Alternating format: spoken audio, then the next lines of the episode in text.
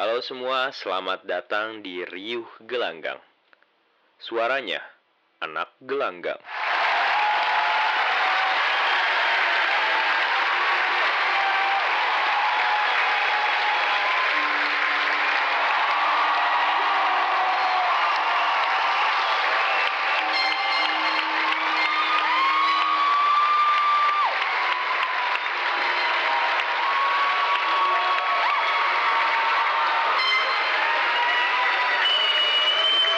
Halo semua, selamat datang di Riuh Gelanggang.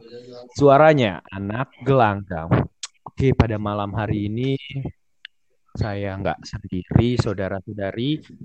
Saya Farid Farizi kali ini ditemani dengan Nana Fajrina, terima kasih. terima kasih Bung Faris. Udah eh, mengundang aku malam ini, katanya mau ngobrolin yang lagi panas-panasnya gitu ya. Iya panas banget ini hot. Eh, emang gi- panas tuh ya Iya sih. Iya, katanya tuh malam itu ini gibah time gitu. Siapa sih Ah, Bung? Iya, iya gibahnya nih kayaknya orangnya lagi panas banget ya pasti ini ya. Hmm, lagi viral-viralnya gitu ya. Lagi naik-naiknya. Ya udah gak usah banyak lama lagi kita panggilkan saja Muhammad Alvin. Ini panggil, orang Smackdown. Ya bener bener bener bener. Ini Iya. Bung Alfiansyah yang viral dengan apa slogan hidupnya semesta itu ya, Bung ya. Semesta semesta memberkati. Buset. Halo semuanya. Amin. Amin. Amin, amin. Amin banget. Ini Al- Bung Alvin gimana? Ini ini ya, Ini pembagian ada- helm ini gratis ini ada sih?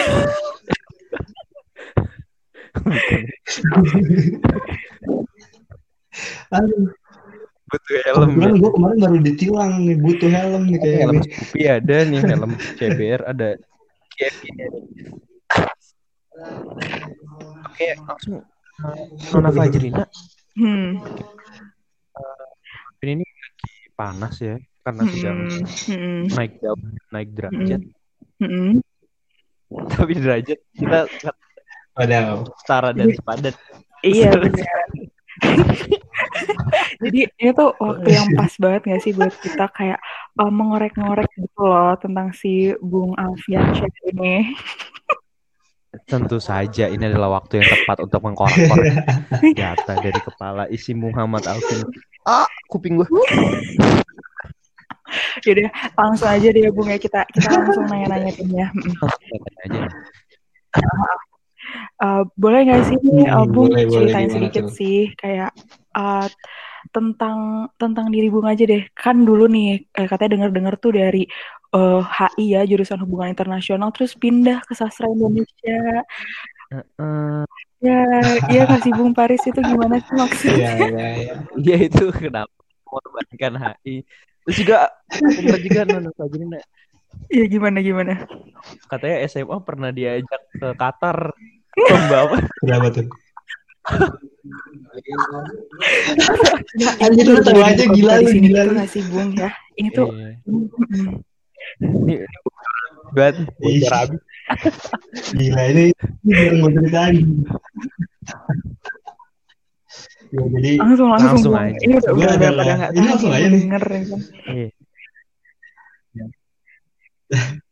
jadi gue ada personil sadana, kebetulan sadana baru mau rilis lagi. Sambil Ini sambil sadana kan? air ya. Kayak, kayak abis ini segmen sadana gak sih? Boleh nanti Bung Paris dipasang backsoundnya lagu-lagu Sadana ya. Oh bukan ya, bukan. Bisa nanti saya saya nih kita kita jeda 30 detik ya. Sadana. Setelah yang satu Ini ini ya ya. tiga nih udah mulai lagunya dengerin dulu. ya sorry sorry sorry sorry. Jadi gini, aduh gimana ya kalau cerita kehidupan ya. Jadi Hmm. kehidupan Ini ini aku aja ya? menurut enak kali ya. Oke, ini udah udah suara-suara kecapi-kecapi ya teman-teman semua. Kecap sih. Kecapi dong. Jadi sebenarnya sebenarnya jadi gini sebenarnya kalau kalau dari awal dari awal umur 0 tuh sampai kira-kira SMP tuh masih flat flat aja tuh kayak hidup gue tuh kayak flat flat kayak gitu nah masuk SMA tuh baru tuh masuk SMA gara-gara terjebak Agak di dalam pembelajaran buset agak berat Dan ya sibung dari umur 5 tahun Berat. langsung ke SMA ya berat ya. terjebak berat sih itu. Soalnya kalau kalau jelasin SD SMA malas banget udahlah sudah sudah. Lewat. SMA nih tiba-tiba waktu itu nggak tahu kenapa Eh. ini nggak tahu ada kecurangan apa. Uh, waktu itu. ya. berbicara. Jadi eh, nilai gue tuh kecil, nilai gue tuh eh, Nah, apa sih dulu nem ya namanya nem gitu loh. Nem gue dari SMP ke SMA tuh lu bayangin deh nem dari SMP ke SMA itu sama nem- sama kayak nem dari SD ke SMP. biar gue tebak 24 bukan. Jadi kalau pagi itu sebenarnya dibagi dua pelajaran ya, bukan empat ya. iya. Iya, iya. Jadi waktu itu adalah pokoknya gak akan disebutin lah ya. Jadi, nah akhirnya kan mau masuk SMA gimana gitu ya SMA di Bandung gede-gede gitu. Nah akhirnya adalah saudara nih, ini agak menjerumuskan juga nih kayaknya. Jadi disuruh masuk SMK lah. Jadi waktu itu tuh karena di SMK itu tuh sistemnya nggak pakai nem, tapi sistemnya tes gitu loh. Nah karena emang gue tuh kan pinter sebenarnya, cuman gak hoki aja. Sampai diajak ke Qatar ya? Hampir dia Belum, belum. nah itu nanti belum belum belum belum. Jadi gini jadi gini. Nah ini ini ini mau masuk ke Qatar nih bentar lagi nih. Jadi jadi pas eh, tahu kan tuh si, si saudara gue tuh tahu. Nilainya tuh nilai nilainya ke- eh, kecil ya udah kamu ikutan tes aja coba. Jadi adalah salah satu SMK negeri di Bandung tuh. Jadi sistem masuknya tes. Nah kebetulan si sekolah itu tuh eh, ininya apa penjurusan tuh kimia gitu loh buset kimia kan gue mikir-mikir lagi nih gimana nih orang gua UN aja gimana gini gitu. Tapi tapi ya berhubung gue pintar bu diulang lagi ya udah gue nekat aja tuh jadi antara antara nekat sama sama bodoh nggak tahu beda tipis kali ya. Jadi nekat eh ternyata masuk masuk. Nah pas masuk kan gue sempat bingung ini gue di kimia mau belajar apaan? Gitu ya. Nah terus tiba-tiba dateng lah si saudara gue eh, yang tahu SMK itu kan. Terus dia bilang gini katanya dia datangnya sama ini sama guru yang wakilin dari SMK tujuhnya. Jadi waktu itu kebetulan wawancara ketemu gue di di embel-embel ini kayak gini. Oke Alvin selamat ya kamu masuk gini gini gini semoga kamu nerima. Nah pokoknya dia pokoknya eh, ngebayangin yang indah-indah sampai yang paling indah tuh katanya ini kalau kamu lulus kita pergi ke Qatar sama ke Bahrain katanya gitu. Gue mikir anjing ngapain gue ke Qatar sama ke Bahrain? Gitu ya.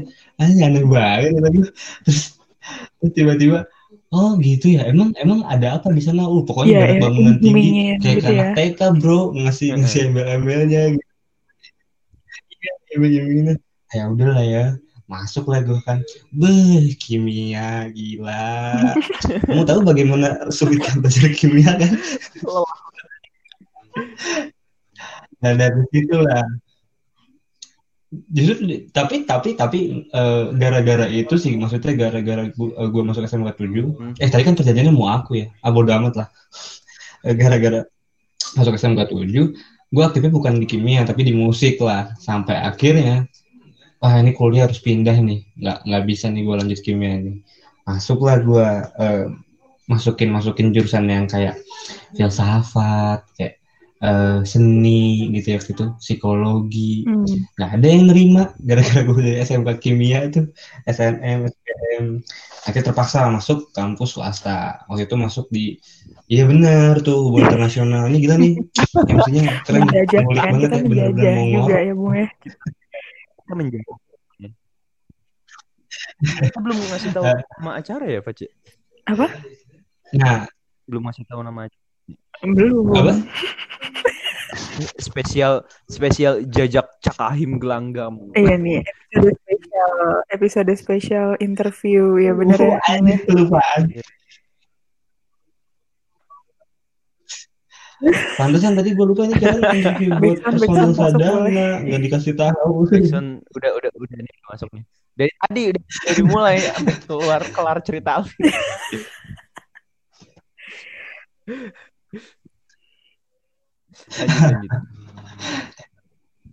Iya gitu lah. Akhirnya masuk HI di HI, iya akhirnya masuk HI di HI kaget tuh pertama tuh tiba-tiba dicekokin. Ini mau benar mau salah, ini negaramu harus dibela. Buset kata gua kan. Sebagai jiwa-jiwa pemberontak nih nggak bisa, ini nggak bener, ini nggak bener nih. Maksudnya mau bener atau mau salah, gua belain gitu kan. Ya akhirnya cuman eh, beberapa semester doang di sana dan akhirnya gue memutuskan untuk eh, menembak sastra Indonesia Universitas Pajajaran dan, Dan akhirnya diterima. sekarang aku Pacaran nih sampai sekarang mau tiga tahun. Semoga langgeng ya. Itu. eh, jangan eh kalau kalau langgeng gue abadi dong di dulu. Wah, Jangan juga dong sekali ya ininya Mas Alvin ini. Bung Alvin ini. Cakupannya luas tuh dari kimia, dia main musik, terus dia ngebela negara nih Hmm. lewat hubungan internasional. Segala ranah ya bung ya. Sekarang sekarang nah, terus dia sekarang jadi eh, mahasiswa sastra Indonesia nyalonin kahim. Iya itu merupakan perjalanan yang luar biasa Yang ya. Struggle life struggle life Twitter. Mm-mm, dari Qatar ke calon ketua himpunan gitu kan bung ya. Mm-mm, bener. Jadi gara-gara itu gagal tuh ke Qatar ke Bahrain, udah di Indonesia aja. Aduh. Qatar. Oke, Qatar. next Qatar. question bisa dari tanya. Oke, jadi kan dulu denger ya Bung ya, em, peristiwa-peristiwa kehidupan Bung, terus kayak perjalanan-perjalanan yang akhirnya Bung bisa sampai di sini nih, di tahap ini jadi calon eh, ketua himpunan gitu. Ada nggak sih kayak mengacu atau misalnya entah mungkin genre Hmm. musik, eh, buku, tokoh, atau mungkin peristiwa yang membuat eh, seorang Alvin ini jadi Alvin yang sekarang gitu. Iya. Mm-mm, yang Oh, yang ngebentuk gitu ya. latar belakangnya Yang memberikan jalan semesta kepada mana? kalau kata Bung Parisi yang men-trigger gitu Bung Alvin yang bisa menjadi Bung Alvin yang sekarang gitu.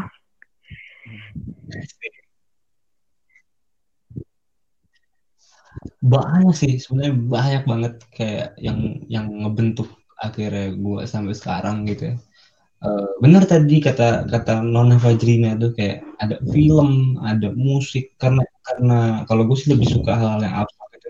Akhirnya kayak film tuh dari dari ceritanya gitu musik dari lirik lagunya dan lain-lain itu cukup mempengaruhi gue gitu. Mungkin kalau bisa disebutin apa ya? Eh kayaknya nggak bisa disebutin satu persatu.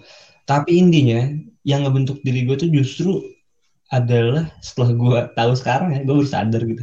Yang yang ngebentuk diri gue tuh adalah eh, sebenarnya nggak jauh dari perjalanan diri gue sendiri gitu. Jadi mungkin eh, dulu dulu, dulu gue sempet nyangka oh ini gini gara-gara gara-gara misalnya gara-gara film ini nih gue kayak gini nih. Atau gara-gara buku ini nih gue kayak gini nih. Atau gara-gara si tokoh ini gue kayak gini.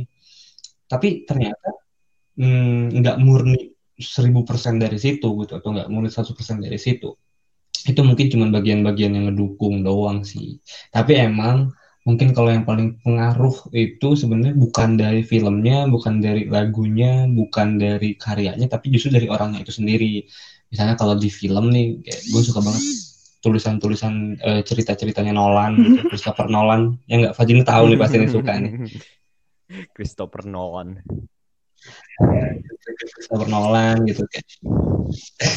Terus kalau musik tuh lirik Bob Dylan Eh, kalau penulis tuh udah pasti si Hairil sih yang akhirnya ngebentuk ngebentuk gue kayak gini dan ada satu lagi sih ini nggak boleh gue lupain ini Pidi, pidi baik ya. gue nggak pernah kenal sama dia umurnya Salah satunya Kenapa? Pidi Baik kata Bung. Oh bukan. Oke. Bukan. Enggak deh, kalau PD baik sudah jangan ke Jatinangor katanya gitu. Itu pengalaman dulu. Kita mau aja. Sekarang mah udah ke Jatinangor aja yuk. Iya, Hmm. peduli amat dia udah ada yang punya juga Jatinangor sana aja. gimana? Nah, kalau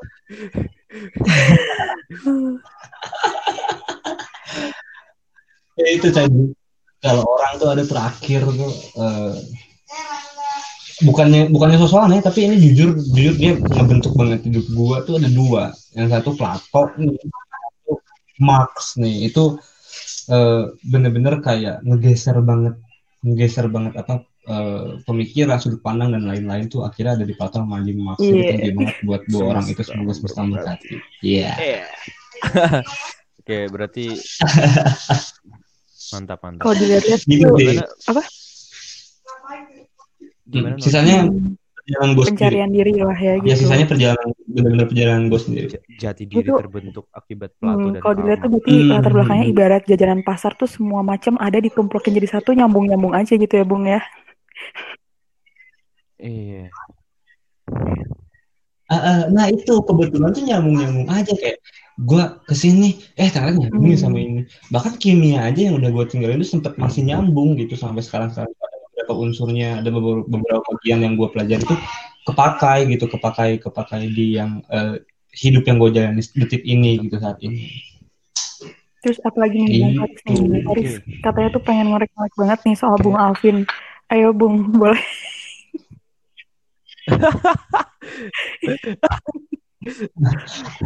Jangan dikorek Menurut saya kayak udah cukup ini udah banyak banget. Kayak udah udah udah baratnya nulis ini bab satu lah udah kelar. Udah belum udah lah ya semuanya ya. Mm-mm. Bab Bisa satu. digambarkan tuh kayak udah ibaratnya bikin sketsa nih udah jadi sketsa satu badan gitu. tinggal tinggal dibentuk aja. Nah, ya. boleh. Heeh. Eh, Tinggal diwarnai. Udah masuk ke dunia politik Ini yang ya sekarang yang ya. Bener-bener yang lagi panas-panasnya sebenarnya kita mau nanya-nanya ini ya Bung ya. Cuman kita tadi agak bertele-tele di awal Heeh. gitu, basa-basi dulu ya. Cheat cheat intro. Cita-cita cita intro gitu ya Jadi eh berhubung Bung Alvin ini adalah seorang calon ketua himpunan mahasiswa apa sih? Gela- gelanggang.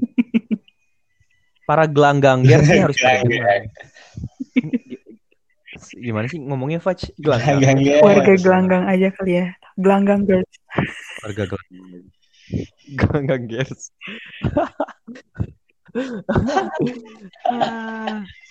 Eh, masuki ranah politik.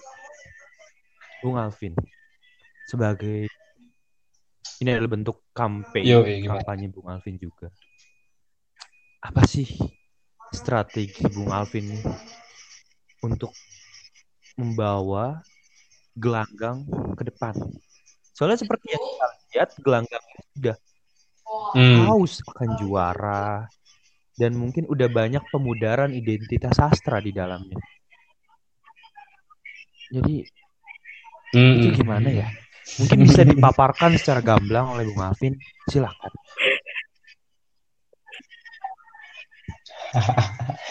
Oke, gini gini gini gini. Bener sih, bener tadi kata kata Bung Paris tuh eh, kayak haus, gelanggang, terus kayak gelanggang eh, udah mulai kehilangan identitas dan lain-lain. Satu sih keresahan yang akhirnya bikin gue pengen ah maju deh gue jadi calon ketua gitu. Satu sebenarnya satu dari dari satu keresahan yaitu gelanggang yang gue kenal sekarang itu beda dari gelanggang yang gue kenal dulu pas maba gitu loh. Dulu pas gue mahasiswa baru itu tuh masuk ke gelanggang, beh gila gitu kayak atmosfernya enak banget, anget banget gitu loh. Terus orang iya eh, eh, sastra banget pokoknya orang-orang di dalamnya gitu eh, banyak banyak banyak banget figur-figur yang baru kenal loh tiba-tiba menginspirasi gitu loh. Eh, baru kenal loh tiba-tiba bisa sedekat dan sangat itu. Baru kenal loh tapi dia bisa jadi sosok eh, mentor, bisa jadi sosok eh, teman dan sahabat yang bisa diajak diskusi dan lain-lain dan ilmunya pun eh, tinggi-tinggi gitu loh. Tapi ke sini ke sini gue rasa wah ini gelanggang ada apa nih gitu loh ada apa dengan gelanggang nah akhirnya gue memutuskan kayak ini gue kayaknya harus harus maksudnya gue bisa nih jadi orang yang bisa balikin lagi gelanggang seperti dulu. Jadi kalau kalau gue bisa ibaratin tuh kayak tidur gitu loh si gelanggang tuh eh, akhir-akhir ini gitu ya. Beberapa tahun kebelakangan itu kayak tidur. Nah makanya gue eh, nggak muluk-muluk sih gue mah nggak muluk-muluk. Maksudnya saat nanti gue jadi eh, mungkin nanti terpilih menjadi ketua himpunan gue tuh pengennya gelanggang bangkit lagi bangun lagi bangun dari tidur panjangnya lagi berbuat sesuatu lagi eh, punya identitas lagi disegani sama berbagai orang dan berbagai institusi lagi gitu loh. Dan yang paling utama adalah menjadi kiblat buat warga gelanggang itu sendiri gitu. Dan itu khususnya gitu ya, umumnya juga buat eh, seluruh eh, apa mahasiswa dan masyarakat yang ada gitu. Karena pas tahun pertama gue di gelanggang tuh eh, di sebagai maba tuh kayak gelanggang parah sih menginspirasi parah gitu. Bet- tadi nyambung sama pertanyaan Fajrina tadi apa yang ngebentuk salah satu yang ngebentuk gue juga adalah gelanggang gitu loh. Jadi gue nggak rela kalau kalau gelanggang beberapa tahun ke depan itu semakin luntur, semakin hilang, dan akhirnya gue nggak mau sih nanti pas kita kita jadi alumni nih kayak lima tahun sampai 10 tahun ke depan, tak tak tak tak jalan ke gelanggang kayak anjir kok gelanggang jadi kayak gini sih, kok orang-orang kayak gini sih, nah itu sih ada ada keengganan dalam hati gue kayak gue nggak mau nih lihat lihat teman-teman gue eh, nanti yang teman-teman baru gue masuk ke gelanggang masuk ke Sastrindo itu eh, tidak mengalami apa yang gue rasakan. Karena apa yang gue rasakan itu enak dan bahagia. Nah gue pengen mengembalikan itu buat teman-teman semua. berarti emang itu paling pertama kali itu emang awal identitasnya mulanya. dulu aja ya. Di, di, dikembalikan Iya menaruh pada benar. tempatnya Hmm, hmm, gitu ya. bener-bener iya Mantap sekali ya Nona Fajrina. Wah, Fajrina. ya, jadi untuk teman-teman yang berencana akan memilih Alvin eh boleh banget karena idenya bisa banget. Hmm. Lanjut, Fajrina, tanyakan kembali. Ya kan tadi kan oh, berarti eh, pertama kali ini identitas gitu ya Bung ya.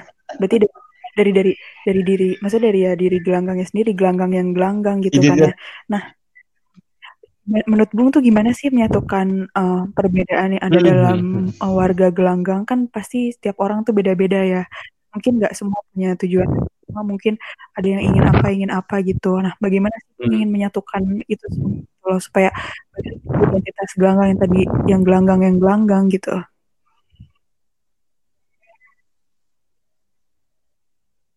Iya. Nah ini ini sebenarnya pertanyaan yang gampang sebenarnya, tapi Hmm. eh, rumit dalam pelaksanaannya gitu loh.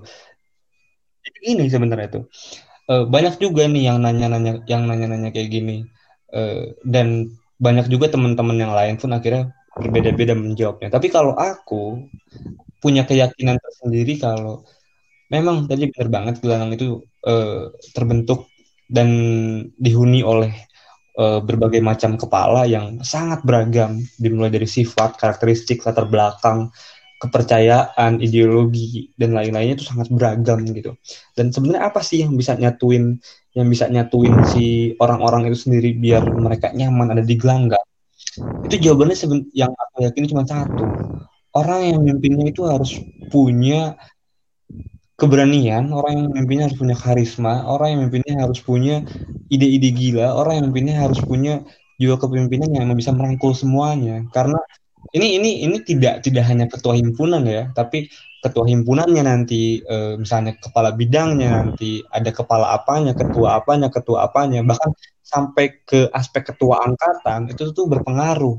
Nah, menurut aku nih, menurut, menurut aku nih harus banget nih ini orang-orang yang eh, apa namanya ingin menyatukan gelanggang, ingin menyatukan berbagai kepala tuh harus punya bahan yang itu semua yang tadi aku sebutin gitu loh. Karena kalau nggak punya mau gimana pun ya gimana maksudnya eh, figur intinya intinya gelanggang butuh sosok figur butuh sosok eh, butuh banget sosok yang mampu menghimpun, eh, mampu mengum, mampu mengumpulkan, mengajak, memantik dan eh, menjadi pemimpin untuk lari bersama gitu loh. Soalnya udah beberapa tahun ke belakang menurut aku nih Gelanggang kehilangan sosok-sosok yang seperti itu. Makanya sosok-sosok ini harus kembali dibangkitkan lagi nih orang-orang yang punya power, orang-orang yang punya karisma, orang-orang yang punya jiwa kepemimpinan dan orang-orang yang berani ya apalagi ini harus harus dihidupin lagi supaya teman-teman yang lainnya pun akhirnya mengikuti gitu loh. Karena bagaimanapun kita kan akhirnya nggak bisa ya hidup sendiri-sendiri dan lain-lain gitu loh. Dibutuhkan sosok figur yang uh, sosok sebuah sosok yang memang bisa menjadi uh, apa ya namanya hmm, teman untuk berjalan Hmm, di depan gitu dan berjalan right man in seiringan the right place gitu gitu ya, yang bisa menginfluence ke teman-teman yang lain juga nggak sih? Ya betul betul. Ya, vibes yang nyaman, yang emang rumah Bisa gitu menularkan, bisa menginspirasi gitu loh. Iya, bener Iya. banget. Karena kita, ya nggak sih kita udah mulai-mulai Bener kehilangan nih sosok-sosok kayak gitu gitu loh. Ada tapi hilang lagi, ada hilang lagi. Nah justru sosok-sosok seperti itu yang harus kita lestarikan, anjir lestarikan. ya, ya, maksudnya yang yang yang harus eh, figur-figur itulah yang harus muncul dan akhirnya bisa ngebangun sama-sama. Soal- Hmm. soalnya banyak banget figur-figur yang seperti itu, tapi sayangnya mereka sendiri-sendiri aja jalannya gitu loh. Coba kalau figur-figur kita satukan dan kita buat gelanggang menjadi rumah yang lebih kuat, yang lebih nyaman, yang lebih hangat, Yang itu pasti gelanggang lah ya ya. akan menjadi rumah yang asik dan penuh arti. gelanggang gelanggang pasti bar bar bar banget nggak sih kayak Mm-mm. Tapi tapi kan sebenarnya kita udah masuk ke ranah politik ya. Barbar Tapi banget. sebenarnya ini eh, kita masuk ke pertanyaan yang lebih serius lagi nih ya Bung. Kita naikin lagi levelnya pelan-pelan gitu ya. ini pertanyaan ini pertanyaan yang paling menurut, Boleh, menurut boleh. saya Iya, ini pertanyaan yang paling krusial Yang- Apa ya salah sedikit tuh bisa bisa Wah, sedikit gimana ya Bung ya bisa. Hmm, Iya. mm-mm. Hmm. boleh Bung boleh. bahaya lah ya. Aja yang nanya. ah ya ini, jadi gini, begini Bung Alvin Gimana nih? pada dasarnya ini ada pertanyaan yang sering mengganggu jiwa-jiwa kami yaitu gimana sih menghilangkan danusan gorengan di gelanggang ini ini sangat mengganggu pun ya Bung pertanyaannya tuh dari banyak-banyak orang tuh ya gini keresahan dalam hatinya tuh Iya. gimana sih ngilangin danusan gorengan gitu. Ini kan kebudayaan turun gitu kan. Ini ini ini ini yang paling tinggi. Gini gini. Ah, Jujur jujur waktu pertama aku datang ke Gelanggang itu nggak ada danusan gorengan. Aku nggak tahu nih mulai dari mana danusan gorengan.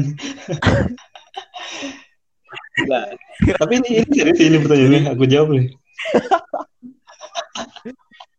Sebenarnya ini pertanyaan Sialan. nyambung sama pertanyaan yang tadi bagi bercanda. Ah, Dasarnya pertanyaan ini adalah keresahan dari ber- beberapa banyak sih keresahan yang dirasakan. Kenapa sih dan bagaimana? Eh, salah sih. Bagaimana sih membuat kesejahteraan kesejahteraan pada masyarakat gelanggang yang pada akhirnya masyarakat gelanggang seakan diwajibkan dengan perasaan materi juga yang pada akhirnya gitu. oh iya Bung, maaf tadi agak keputus. Oh iya, Dari bagaimana setelah membuat kesejahteraan. kesejahteraan pada masyarakat gelanggang? Soalnya kan kayak eh Hmm. rame banget itu kucing.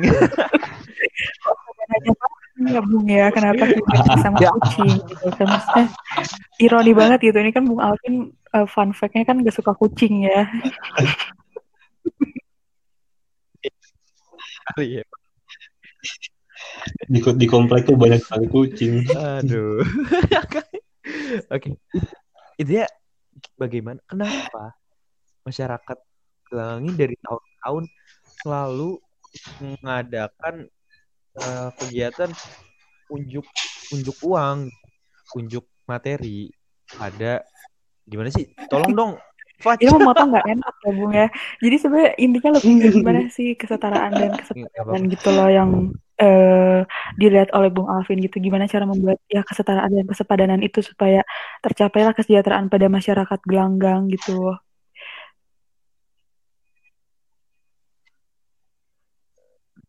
Oke, oke. Iya, iya, iya, ya, paham, paham.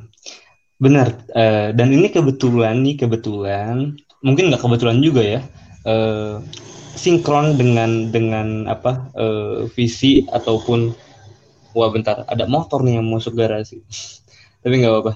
Uh, ada ada misi yang sama yang aku bawa gitu loh, yaitu ada di ada di misi poin nomor satu, gimana caranya biar sebelum kita melakukan apa pun ini masyarakat gelanggang itu harus merasa setara dan sepadan di dalam berbagai bentuk dan aspek gitu. Sebelum melakukan apa pun ya bahkan sebelum kita memulai kerja bareng gitu loh. Nah bagaimana itu bisa terwujud? Aku aku menjanjikan sesuatu dimulai dari yang paling kecil. Yang paling kecil adalah eh, gap ataupun jarak antara angkatan yang kita tahu kan memang dari tahun ke tahun itu selalu ada gitu ya. Nah itu dulu yang harus dipangkas. Gimana caranya angkatan baru sama yang angkatan yang paling tua yang masih ada di gelanggang itu bisa nyatu. Karena itu yang dulu membuat aku jatuh cinta sama gelanggang.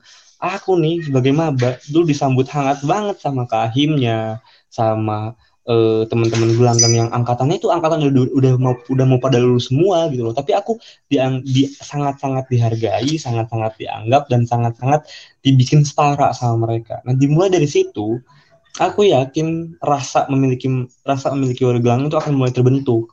Karena pada saat orang merasa diakui keberadaannya, eksistensinya, saat itu pula mereka akan merasa nyaman untuk kerja di dalamnya, untuk beraktivitas di dalamnya, untuk melakukan apa pun di dalamnya gitu. Nah, dimulai dari hal yang paling kecil itu, lalu masuk ke uh, kayak program kerja lah atau masalah organisasi lah atau masalah uh, pertemanan atau masalah diskusi dan lain-lain. Dan di situ juga mulai dipupuk tentang kesetaraan dan kesepadanan di mana semua pendapat, semua aspirasi, bahkan hingga semua karya itu akan didengar, itu akan dihimpun, dan itu akan dicari solusi jalan keluarnya seperti apa. Ini juga nyambung sebenarnya. Sebenarnya tadi tuh bagus loh pertanyaan tentang kapan danusan gorengan akan berhenti itu bagus banget. Masalahnya gini, karena karena kita ini ada di jurusan sastra gitu. Kita kita nggak ada di kita bukan ada di jurusan tata boga gitu atau di jurusan masak gitu. Iya bener modal modal modal yang kita miliki kayak kita setiap setiap minggu ngadain mimbar puisi, lalu ada teater jati di sana, lalu ada diskusi-diskusi di manja gitu loh. Nah justru modal-modal karya yang seperti itu itu yang maksudnya uh, itu yang akhirnya bisa menjadi nilai jual kita ke depannya. Maksudnya jadi kenapa kita nggak mengedepankan itu gitu loh daripada mengedepankan gorengan yang menjualnya harus maksa gitu loh. Uh, itu juga bisa nyambung. Uh, sorry, sorry. Uh, ini balik kesejahteraan yang ya, gimana, dalam kutip itu maksudnya kayak setiap ada acara uh, kita tuh diwajibkan kayak contoh DAP nah, apakah ada program dari Bung Alvin ini untuk mm. uh, kesejahteraan gelanggang dalam bentuk materi gitu nyambung sih nyambung ya dari tadi udah dipaparin sama Bung Alvin sebelumnya oke okay. gini ya kalau kalau Iya, maksudnya nyambung, nyambung dari tadi kan udah paparin sama Bu Alvin juga soal kesejahteraan Gimana? warga gelanggang gitu. Ini nyambung ke sini juga gitu.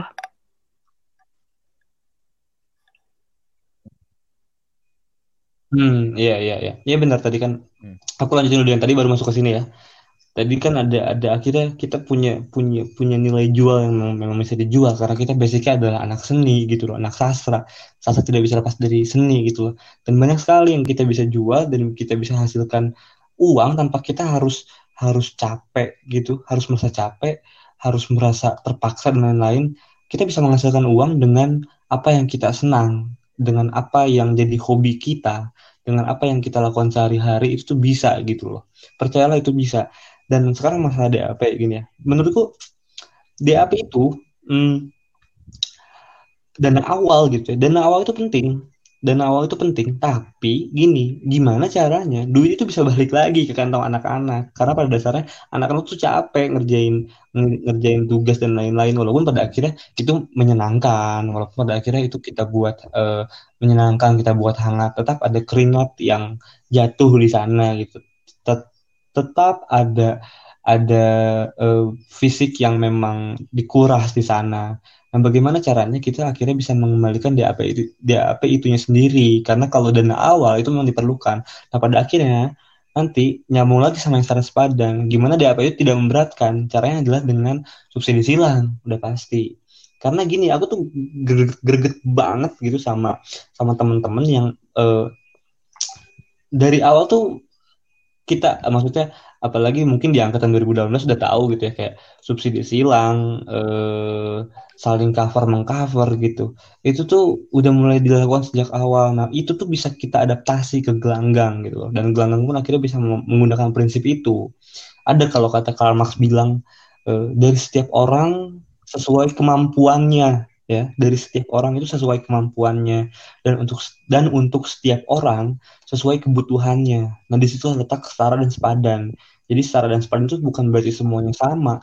Tapi bagaimana setiap orang mengeluarkan sesuatu itu sesuai dengan kemampuannya. Baik itu materi fisik maupun ide. Dan untuk setiap orang buat kita kita lagi sesuai dengan kebutuhannya. Dan di situ mungkin akhirnya letak setara sepadan bisa ada di gelanggang gitu gitu. Jadi maksudnya kalau tadinya mulai ke, ke yang uh, Bung Paris gitu, bagaimana kesejahteraan dalam bentuk materi dan awal tuh perlu Bung. Akhirnya itu itu justru jadi spirit buat kita juga buat nambahin lagi dana awalnya dan buat mengembalikan lagi itu ke anak-anak gitu. Yang jangan sampai itu jangan sampai pahit-pahitnya banget nih. Minimal harus balik lah, ada lah yang balik ke anak-anak gitu karena ya itu tadi uh, ada tenaga yang memang harus dihargai walaupun tidak semua bisa dihargai oleh materi gitu ya. Ada ada ide tetap yang harus kita hargai dan balik lagi walaupun semua tidak tidak bisa dihargai oleh materi. Itu ada sisi-sisi kepuasan di sana ada sisi-sisi uh, pencapaian di sana gitu loh. Tapi materi mah bonusnya aja gitu. Dan balik lagi prinsipnya seperti apa? Prinsipnya tadi dari setiap orang sesuai kemampuannya Wih, dari dan setiap orang sesuai dengan kebutuhan jadi berat gitu. banget ya Kayaknya emang Jadi, apa emang gak cukup gitu ya kalau misalnya ngobrol sama Bung Alvin tuh harus lama karena banyak banyak banget sih hal-hal yang bisa dikorek-korek ya kita bisa ngobrol jadi ke mana-mana gitu kan dari danusan gorengan dari dari India ya kan dari Qatar segala macam kita udah bahas gitu kan. Qatar. yang udah-udahnya sampai pagi. pembagian helm jadi nggak sih gue nungguin lo, gue nungguin lo. Oke, terima kasih sekali Bung Alvin atas waktunya ya. Iya, yang kayak tadi uh, saya Nona bilang itu kan emang nggak kerasa banget karena segala dibahas ya, jadi kayak seru aja ngobrolnya ngalir gitu kan ya. Mm -mm, kayak kayak malam ini tuh kayak colorful ya ditutup dengan obrolan hangat. wow. Diberkati semesta ini. Ya.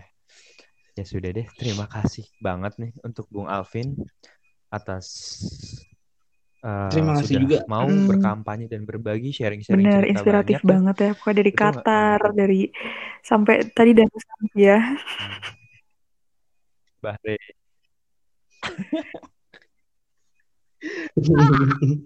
Oke, setelah ini mungkin bakal ada jingle Orsadana ya. Ini enggak ini tolong bebaskan copyright.